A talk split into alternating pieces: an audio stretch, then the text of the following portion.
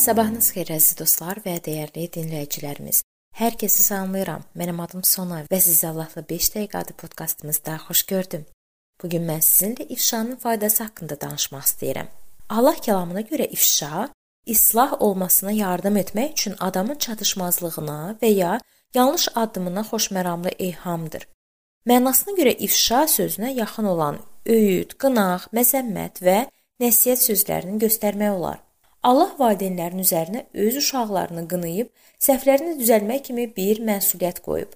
Bu məsuliyyətə sadiq qalan valideynlər öz uşaqları üçün böyük xeyir-dua olmaqla gələcəkdə böyüyəndə qarşılaşa biləcəyi ifşaların böyük bir hissəsindən azad olmağa onlara yardım edirlər. Lakin bizdə olan günahkar təbiəti və sadəcə insanın zəifliyini nəzərə alaraq zaman-zaman qınamağa ehtiyac duyuruq.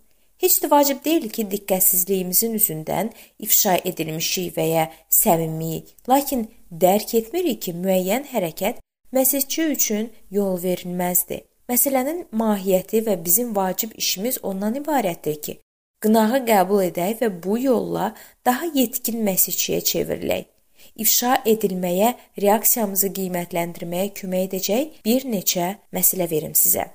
Birincisi, mənə ünvanlanmış tənqid və ifşanı müsbət və ya müqəddəs kitabdan gələn bir şey kimi qəbul edə bilərəmmi?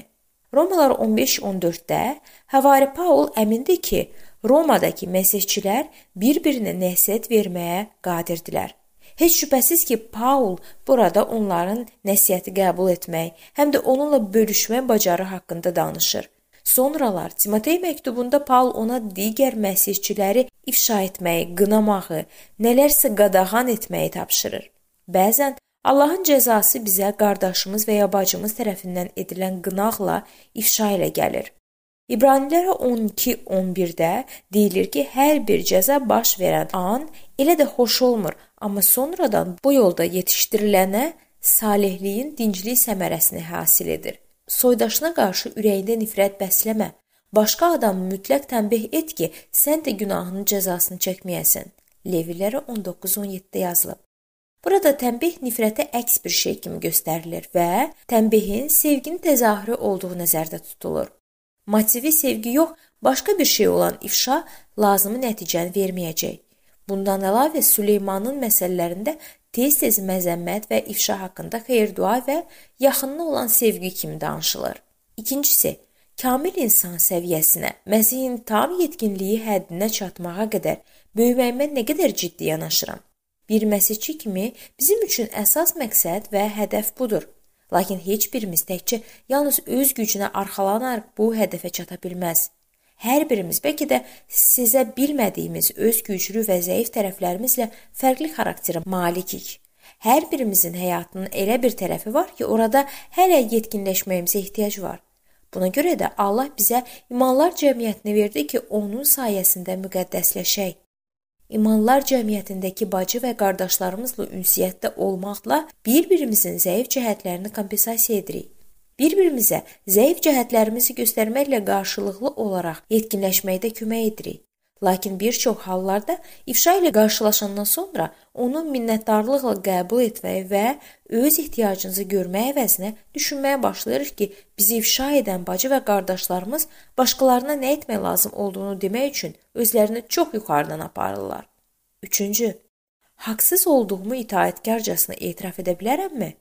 Romalara 12-13-də özümüz haqqında lazım olduğundan artıq yüksək fikrə olmamağa dair çağırış var.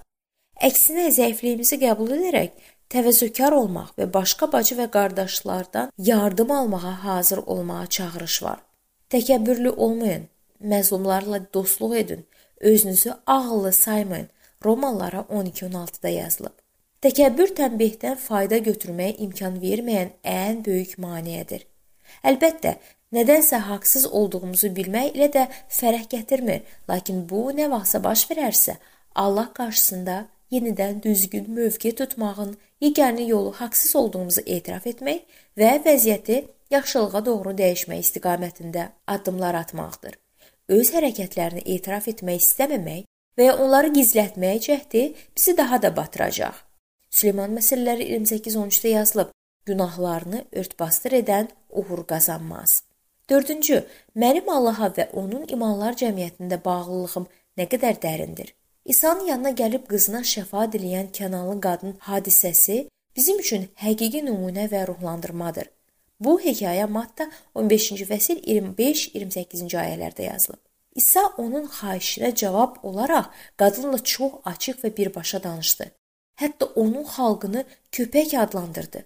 Lakin qadın onun sözlərindən incimədi və onun yardımına ümid etməkdə davam etdi. Qadın bilirdi ki, İsa axtardığı və ona lazım olan şəxsdir. Biz də bu qadın kimi belə bir itaətə və inama sahibikmi? Qanununu sevənlər böyük əminamanlıq tapırlar. Onlar heç nə ilə büdrəməzlər. Bu Zəbur 119-165-də yazılıb. Əgər ifşa qardaşlar arasında münasibətlərdə gərginliyə səbəb olursa, bu ondan xəbər verir ki, bu insanların Allaha və onun imanlılar cəmiyyətinə inamı azdır. Şeytan ifşanı qəbul etmək əvəzinə onu rədd etmək üçün insana çoxlu sayda səbəb göstərə bilər. Ola bilsin, mənim qardaşımın mənimkinə nisbətən daha ciddi hərəkətləri olsun. Ola bilsin o həddən artıq hökmrandır və ya Ola bilsin mənə elə gəlir ki, o mənim yanıma sevgi və həlimlik ruhunda gəlməyib və bütün bunlar bəzən həqiqət ola bilər. Lakin bu ondan tənbihi qəbul etmək istəməməyim üçün bəhanə kimi istifadə edilməməlidir. Gəlin Rutla birlikdə bu sözləri deyə bilənlərdən olaq. Xalqın xalqım olacaq. Allahın Allahım.